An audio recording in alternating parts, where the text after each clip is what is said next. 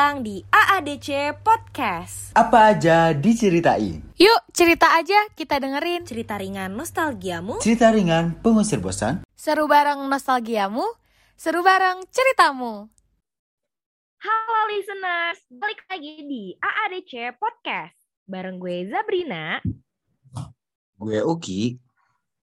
Dan gue Freya. Halo, Halo listeners. semuanya. Halo. Kali ini kita nggak cuma bertiga tahu teman-teman.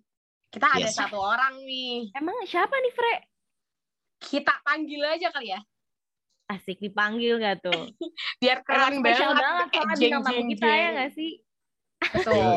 Kita panggil aja. Sandy, silahkan. Tunjukkan suara. Hai. Halo, halo, halo guys, halo guys. So- sorry banget nih, nimbrung nih, pengen ikutan rekaman. Ah, Oh, gimana bukan. nih? Kan yang lain pada by the way- sibuk. Cuma lo doang. Apa Oh, tuh? By the way, listeners mungkin udah gak asing kali ya sama Sandy. Karena di season 1, Sandy pernah nih jadi podcaster juga. Ingat gak? Ingat lah pasti. Tapi itu dia, pokoknya apa sih? dia kali ini sendiri, Zap.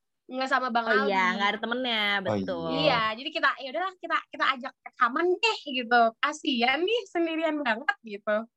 Eh, tapi mungkin untuk listeners yang baru dengar dan baru kenal Shandy, mungkin kita kasih tahu dulu kali ya.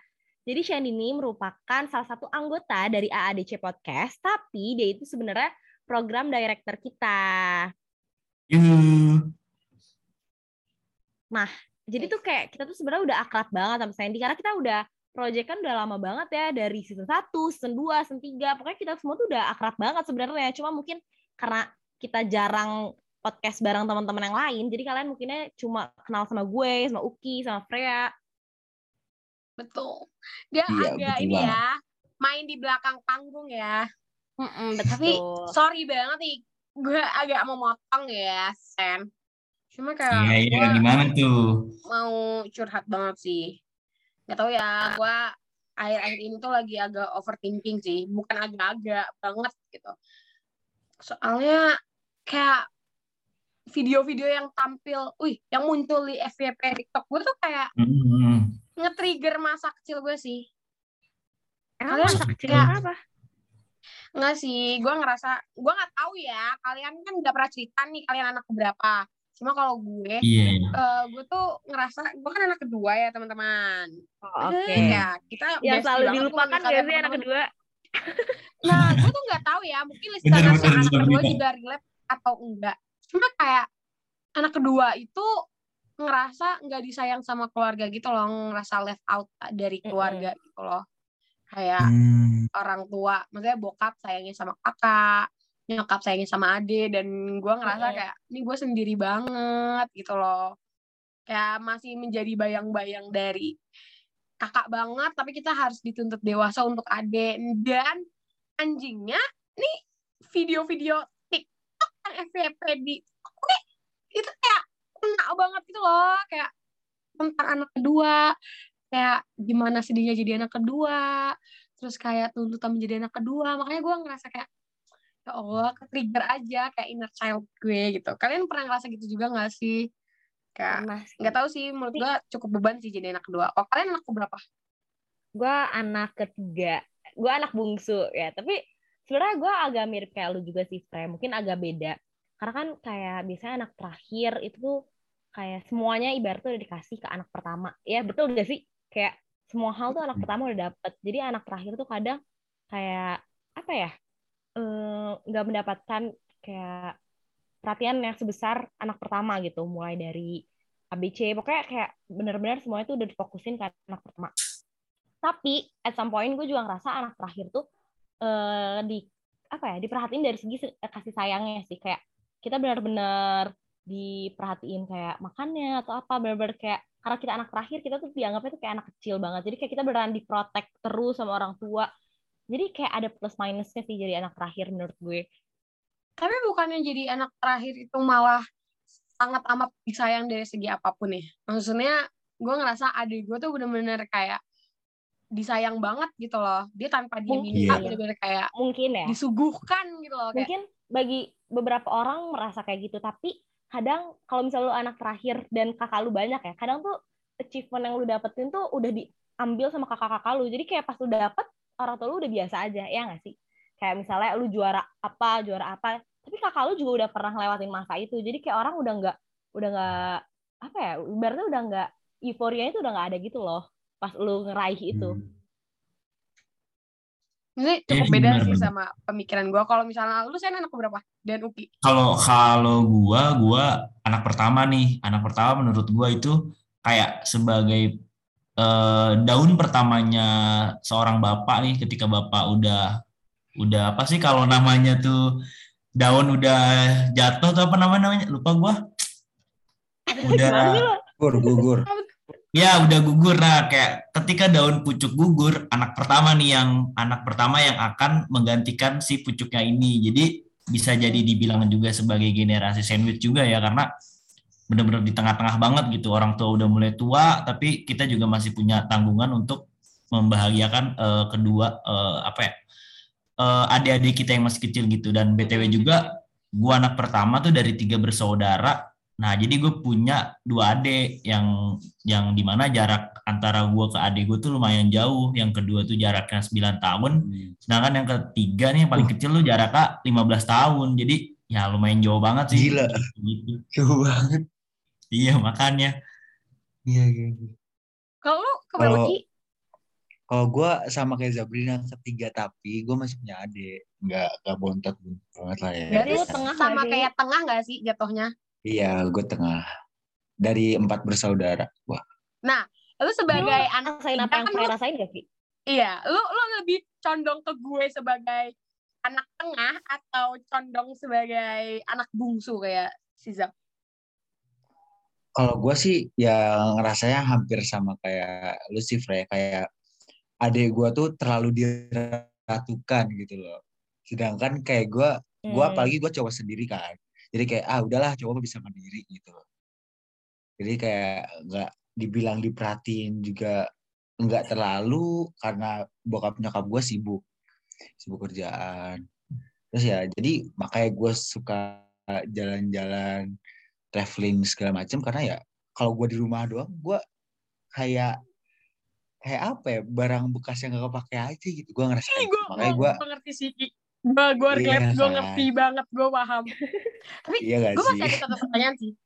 Gue masih ada satu pertanyaan Apa-apa? banget khususnya ke Sandy ya. Iya karena gimana kayak tuh? gue gue kesel banget sama Zabrina sebagai anak bungsu karena gue mungkin karena gue kurang kasih sayang maksudnya karena gue sebagai anak tengah itu ngerasa kurang perhatian dan kurang kasih sayang dan gue eh, sejauh ini tuh masih merasa anak bungsu tuh benar-benar mendapat semua keenakannya gitu loh. Makanya gue masih agak nih Yes. kayak kayak, dasar anak bungsu. Sorry Zab cuma kayak gue masih ngerasa kayak gitu. Cuma kadang gue ngerasa tuh gue masih bertanya-tanya sih Sen. Kayak kenapa sih kalau eh, anak pertama tuh sering kayak menyepelekan beban-beban anak-anak yang lain gitu loh. Entah itu dari kakak gue sendiri Ah, atau dari setuju sih gue. TikTok, TikTok di video-video TikTok. Enggak nggak sih lo uh, kalian benar-benar kayak misalnya malah kan kayak um, kayak mental harus bilang kuat baja karena anak iya. pertama terus kayak Iya, misalnya apalagi- kayak seolah ngerti gak sih maksud gue kayak seolah-olah Mm-mm. anak-anak kedua ketiga keempat ataupun yang bungsu nggak? tuh kayak susah gitu? nggak ada beban sama sekali gitu. Ngerasa kayak beban tuh 100% tuh ada di anak sa- pertama gitu. Kenapa sih? Kok kayak Oh, gini nggak iya, sih ngerti, ngerti. gitu suka kayak ada tulisan kayak harus Ah. kuat soalnya anak pertama kayak gitu. Emang anak kedua sama ketiga tuh nggak harus kuat ya? Kayak Iya. dianggapnya tuh kayak yang paling susah tuh anak pertama gitu padahal kan enggak juga iya kenapa anak pertama ngerasa kayak gitu sen gue gue gue penasaran banget sih jujur Kalau kalau menurut gue ya, yang namanya anak pertama kan pasti banyak orang bilang juga nih kalau candaannya, ah lu mah anak pertama sebagai anak percobaan nih, Ge. Kayak ya masih coba-coba aja ketika lagi bikin lu sen, kayak misalnya gitu kan. Nah, terus kenapa kayak merasa lebih ngegampangin tentang semuanya tuh? Karena menurut gue anak pertama juga kan eh, orang orang tua ini itu orang tua kita juga kan kayak ibaratnya baru pertama kali jadi orang tua kan. Kayak belum tahu nih cara mendidik anak yang baik itu gimana, cara kita memberi perhatian ke anak ini gimana dan yang orang tua tahu tuh mungkin ketika baru punya anak pertama kayak gimana caranya supaya anak gua bahagia tetapi tetapi tetap tetap tetap harus kita didik yang benar gitu. Dan dari situ Iya. mungkin orang tua jadi lebih fokus untuk untuk kerja dan cari uang cari uang cari uang gitu. Karena dulu gua itu gua bener-bener ditinggal sama orang tua gua kerja dua-duanya cok. Kayak dari kecil ya dari TK gue di, di, di gua gua ditinggal sendirian. Terus jadi kayak udah kita ngawang-ngawang sendirian gitu. Kayak jadi segala hal kepahitan kesakitan yang kita alami waktu kecil tuh pas ketika ngelihat uh, adik-adik kita lebih bahagia kayak merasa ah eh, ah kalau jadi anak pertama mah malah kayak harus disiapin mentalnya karena harus ha, harus ditimpa banyak banyak banget cobaan banyak banget ya kayak misalkan lu nakal lu dipukulin orang tua tapi pas ke ade lu pas ade lu nakal malah nggak dipukul kan jadi ngerasanya kayak ah jadi ade mah enak enaknya doang nih nggak ada apa-apanya. Jadi sebagai anak pertama tuh kayak ngerasa merasa superior gitu nggak sih? Kayak ah lu mah nggak ada apa-apanya masih beratan Eh, di gue eh. jadi gampangin gitu kalau menurut gue sih gitu Eh tapi gue mau motong guys, gue mau motong boleh gak? Boleh, Gue membela kaum kaum bungsu ya, gue membela anak-anak bontot. Kenapa kadang tuh anak pertama merasa mereka tuh kayak paling berat, kayak paling kayak banyak bebannya gitu loh. Padahal ya, padahal orang tuh ngelihat anak bungsu tuh kayak enak ya dimanja gini-gini. Padahal kalau misalnya lu tahu nih dan lu perhatiin banyak banget anak bungsu tuh yang ambisius. Kayak ambisius dalam arti kayak pengen dapetin semuanya. Kenapa? Karena kakak-kakaknya nih anak pertama, anak kedua tuh udah pasang standar guys untuk orang tua kalian. Jadi kayak anak bungsu tuh kayak ditargetin untuk lebih dari kakak-kakaknya. Dan padahal kan kadang ada kakak yang emang udah keren banget gitu dan susah gitu dilampauin. Kan buat anak bungsu tuh jadi tertekan. Gue bahkan pernah nonton ya film kayak adiknya tuh anak bungsu tuh kayak saking tertekan sampai bunuh diri guys. Kayak emang Sumpah? kayak, iya kan ada beberapa keluarga yang Itu kayak sih. standar gitu. Masang standar buat eh, anak terakhirnya untuk kayak lebih dari kakak-kakaknya ya nggak sih? Biasanya kan eh, kayak harapan orang tua kayak gitu. Itu kan kayak buat beban sendiri nggak sih untuk anak bungsu? Kayak untuk orang Cuma, yang mentalnya nggak iya kuat sih. pasti kayak jadi ya gimana gitu. Makanya kalau lu Cuma- perhatiin anak bungsu tuh banyak banget yang ambisius. Cuma nggak jarang juga loh, Zap. Kayak maksudnya kebanyakan gitu. Kenapa kita beranggapan, eh, bukan kita sih, gue. Gue beranggapan kalau anak, anak bungsu itu bagaimanapun itu jauh lebih enak. Karena balik lagi ya, gue gue sangat setuju dengan pendapat Sandy si anak pertama. Karena gue juga kakak gitu. Gue bisa ngeliat gimana rasanya menjadi anak pertama. Dan gue juga bisa lihat menjadi anak terakhir ya nggak sih, Ki? Iya. Jadi kayak se- se- Gue setuju dua-duanya sih. maksudnya seberat Ad- apa pun beban adik tuh masih beratan beban kakak Iya dan sih. Karena kakak tapi kayak gue harus- masih gak suka si si anak kakak pertama tuh ngerasa superior Iya, gue sebenarnya kayak gitu, Fre. Kayak emang lu pikir gue nggak capek gitu? Gue juga ngos-ngosan biar gue bisa setara sama lu, ngerti gak sih? iya sih. Gue gue paham banget. Gue ngerti sih. Tapi kalau misalnya bisa di ini nih misalnya kalian bisa milih deh misalnya kalian berkeluarga gitu. Kalian tuh kalau dibayangin pengen eh, pengen jadi anak berapa sih gitu? Gue dong gue dong. kalian nih ya boleh Gua- boleh boleh. Siapa nih? Kalau Bebas. Kalau gua kalau disuruh pilih jadi anak keberapa gue pengen banget jadi anak kedua. Karena gue pengen punya kakak. Dan gua maksudnya kakak nih tapi kakaknya tuh kakak cewek. Kayak biar gue bisa lebih belajar banyak hal tentang cara gimana apa ya memahami cewek gitu. Kayak kayak maksudnya tapi Oke, tapi gitu Nggak, cuman memahami pengen. ceweknya memahami ceweknya bukan ke arah yang kayak biar untuk percintaan gitu tapi kayak dari menghargai perempuan gitu kayak lebih ke hal-hal yang positif aja gitu. Karena kan cewek itu kan apa ya bermain dengan perasaannya. Nah jadi ya cowok yang secara logika suka nggak paham sama perasaan cewek ini gimana. Jadi Berarti- pengen kayak berarti lu pengen bersharing jadi gitu. anak kedua bukan jadi iya anak kalau tengah. gue justru gitu. Anak kedua tapi bukan anak tengah gitu. Ah Oh, Gua- kalau nih, pengen- apa? Kalau gue tetap pengen jadi anak bungsu sih. Lo gue pengen punya sosok kakak. berarti bersyukur Karena banget Zat. gue punya iya gue bersyukur banget jujur. Karena gue kan punya kakak ya. Dan gue ngerasain banget sih kayak lu dibimbing sama kakak lu. Kayak lu punya eh, role model gitu loh. Ngerti gak sih? Walaupun nah iya emang benar kayak benar tadi dibimbing. tadi yang gue bilang ya walaupun dengan adanya kakak tuh kayak secara otomatis ortu lu masang standar yang lebih tinggi buat lu biar lu lebih hebat dibanding kakak lu gitu kan. Tapi tetap aja kayak dengan adanya kakak lu tuh itu kayak buat role model lu gitu. Dan kayak eh, at some point enak aja gitu lu ngobrol sama orang yang lebih dewasa daripada lu yang udah lebih banyak pengalamannya. Jadi lu lebih terarah gitu sih menurut gue. Enaknya yang kayak tadi relate gak sih sama yang Shandy bilang? Kalau anak pertama kan kayak nyari tahu semuanya tuh sendiri gitu. Sedangkan anak terakhir tuh punya privilege ada kakaknya ada Betul, ibu, betul. orang tuanya mungkin udah lebih lenggang dan sebagainya. Dan gue seneng sih jadi anak terakhir. Gue kayak kalau misalnya eh, gue punya kesempatan Eh Zap, tapi Zap, lu tahu nggak Zap? Eh, hal yang paling menakutkan bagi anak bungsu itu apa Zap? Apa? Apa tuh?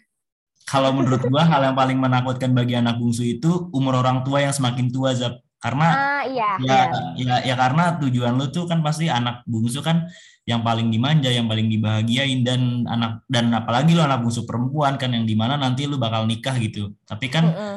eh, belum tahu nih umurnya berapa dan belum tahu juga apakah orang tua kita bisa umurah maksudnya masih berumur sampai kita nikah kan nggak tahu gitu karena menurut gue Iya. itu kayak kacau sih Mm-mm. Makanya Eh, beberapa anak bungsu yang mungkin umurnya jauh ya sama kakak pertamanya, kakak keduanya yang kayak maaf orang tuanya tuh udah kayak tua dan lain sebagainya. Itu sebenarnya juga lebih banyak ngalahnya nggak sih? Kayak gue punya Hmm. temen yang dia tuh kayak di mana anak bungsu yang beneran kayak emang jauh gitu umurnya sama kakak-kakaknya. Jadi dia tuh kayak banyak ngalahnya gitu loh. Kayak misal kakak-kakaknya tuh kuliah di swasta, dia tuh prefer mati-matian buat negeri gitu karena dia nggak mau ngebebanin orang tuanya yang ibaratnya udah pensiun kayak gitu gitulah. Kayak iya benar sebenarnya juga berat sih jadi eh sebenarnya nggak ada yang lebih berat atau eh, lebih nggak berat tapi kayak semuanya menurut gue punya proporsi dan apa ya tanggung jawab masing-masing lah anak pertama anak kedua anak ketiga Tapi kalau Ya. menurut Uki nih, seorang Uki yang kalem-kalem aja ya, Zep ya. kan kadang sebagai anak tengah itu karena merasa bayangan dari kakak dan juga tidak dianggap karena ada adik, itu kan kita biasa lebih diem dan mendem sendiri ya. Jadi gimana nih Yes. kalau Uki, kalau misalnya boleh pilih, lo mau pilih jadi yang mana nih? Kalau gue sih, gue sih aslinya apa aja ya. Soalnya gue tuh di keluarga gue bener-bener pada individualis banget gitu loh. Kayak kita Hmm. sama-sama di kamar sendiri, ngobrol kalau emang lagi ke mall atau ke mana gitu. Jadi karena eh, pengaruh setelah gue telusurin, menurut gue itu karena gap yang lumayan dan kita boarding. Semuanya di Oh, boarding I see, I gitu. see. Hmm, oh kayak kayak jadi Ah. emang dari kecil juga kayak udah yang mencar gitu ya Kia lu boarding kakak lu Iya. juga ke mana orang tua lu kerja Emang dua-duanya gak deket gitu ya? Nah, pas gua masih SD, kakak gua boarding. Pas gua masuk boarding, kakak gua lulus. Pas gua lulus, adik gua boarding. Jadi kayak bener-bener nggak ada setahun dua tahun bareng terus gitu loh di masa-masa menuju dewa pas lagi remaja ke dewasa. Jadi kayak ya masing-masing sendiri punya kesibukan jujur, sendiri dan Sedih tau Bokap nyokap gue. kalau misalnya nggak deket-deket gitu. iya iya bener-bener aduh, kayak sejujurnya bahkan gue bisa dibilang gue tuh lebih terpatok dengan omongan kakak sih dibanding sama lu. Misalnya kayak teman-teman gue kayak misalnya teman-teman gue bilang kayak gue gendut gue jelek gue nggak berguna. Gue masih bisa kontrol gue dalam menerima hal itu. Tapi kalau misalnya Mm-mm. itu yang ngomong dari kakak gue tuh kayak nyes gitu loh, ngerti gak sih? Iya.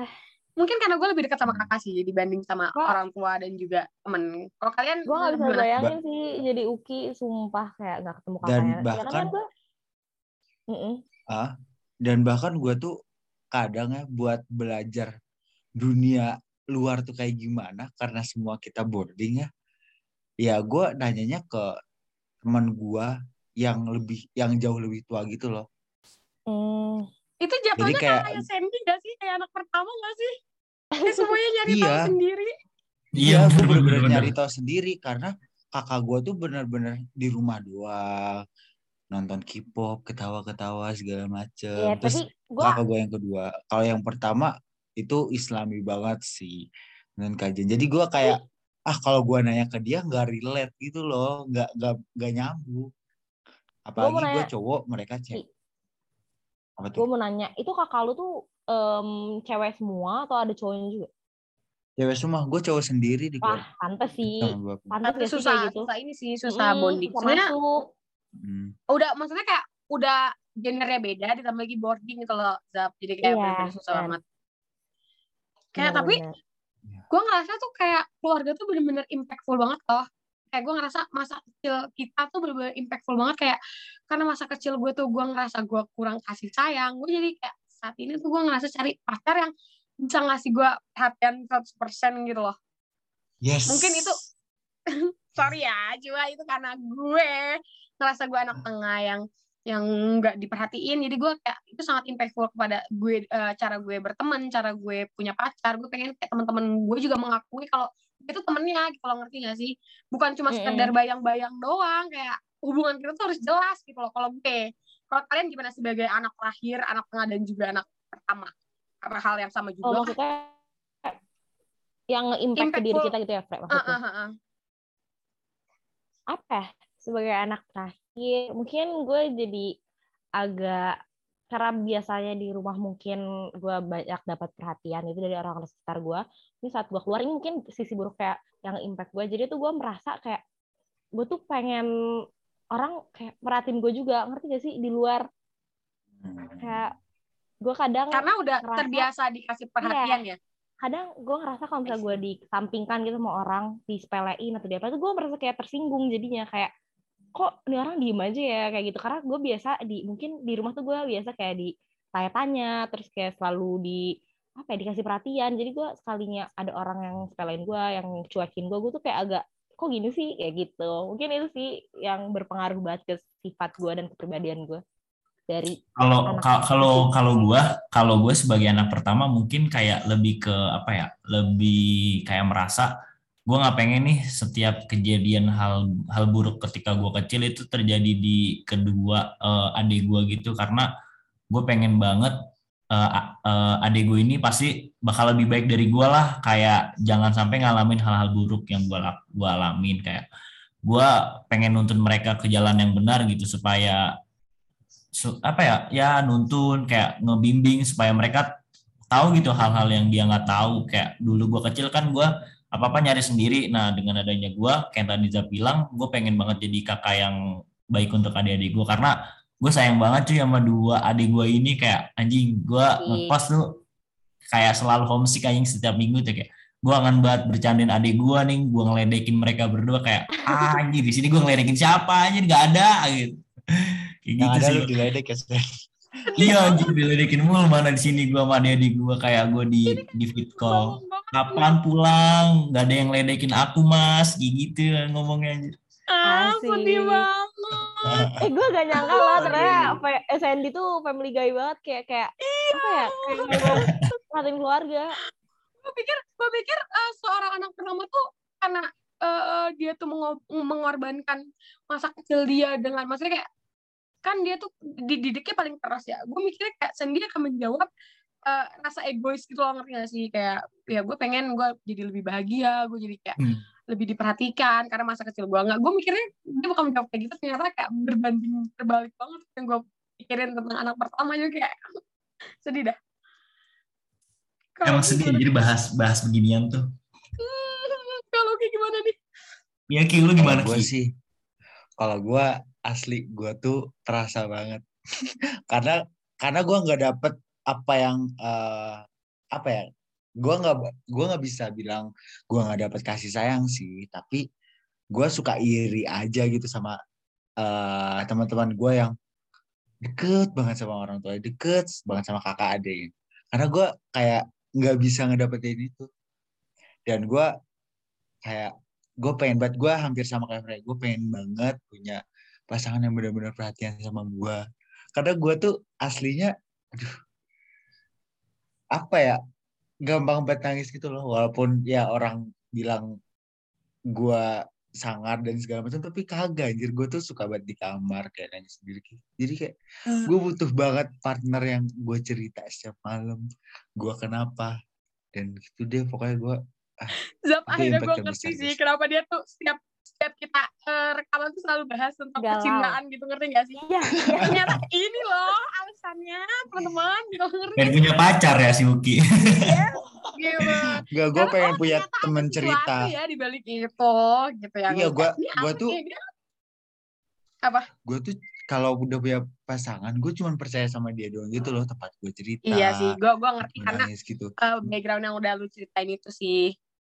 Sebenarnya Mhm. itu enggak itu hal yang normal enggak sih? Maksudnya kan eh, inner child itu sangat berpengaruh kita di masa kini gitu loh, gimana cara kita ngambil keputusan dan sebagainya gitu. Sebenarnya eh, menurut gue eh, kita tuh punya beban masing-masing sih, sama seperti yang Zap tadi bilang, kayak kita punya beban masing-masing sebagai anak pertama, anak kedua, anak tengah, dan juga anak bungsu. Jadi kayak jangan seolah-olah kayak kita tuh punya beban yang paling berat gitu jangan sampai ngeremehin gitu ngerti gak sih? Terus kayak menurut gue Hmm. kita tuh punya kita kita tuh punya eh, kita punya bagian loh untuk bisa ngelupain inner child kita yang terluka. Kita kita punya kita punya langkah maksudnya kita punya pilihan untuk melangkah ke depan gitu. Oke lah mungkin pas kita kecil kita tuh nggak nggak nggak punya banyak pilihan karena kita masih kecil dan kita nggak bisa buat apa-apa. Cuma untuk saat ini kan kita bisa datang ke psikolog kita bisa cerita ke teman-teman apa yang kita rasain dan mungkin itu bisa ngebantu eh, ngobatin inner child kita yang terluka gitu nggak sih Ya betul Frey, betul Frey. Oke, kayak gitu keren sih. Eh, gue boleh ngasih closing statement nggak? Gue pengen, gue gue gue pengen Kasih banget bilang bilang ke eh, inner child gue, gue pengen berterima kasih karena karena gue tidak menyerah untuk melewati saat-saat sulit dalam hidup bersama gue dulunya gitu. Karena lu itu hebat, lu itu tangguh, dan gue benar-benar bersyukur bisa memiliki diri lu. Ini gue ngomong ke inner child gue ya. Oke, gitu aja. tersentuh gue daripada kita tambah-tambah mellow nih makin lama makin deep ya ntar semua rahasia kebongkar listeners pada dengar mungkin para listeners juga mulai harus memaafkan dan juga mengikhlaskan dan jangan lupa juga untuk ngajak inner child kalian biar semakin ke depannya tuh kalian makin ikhlas gitu ngejalaninnya. Jadi kayak nggak ada trauma lagi untuk ngelakuin sesuatu. Ini segitu dulu kali ya. Gue ini udah berkaca-kaca banget gue pengen nangis. Sekian dari gue Freya Gue Uki. Gue Zabrina dan bintang tamu kita. Gue Sandy, cabut. Dadah semuanya. Gue aja.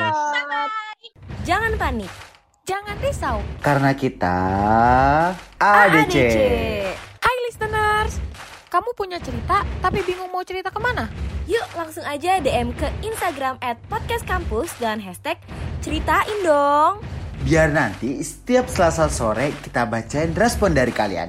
Jadi stay tune terus ya di AADC Podcast.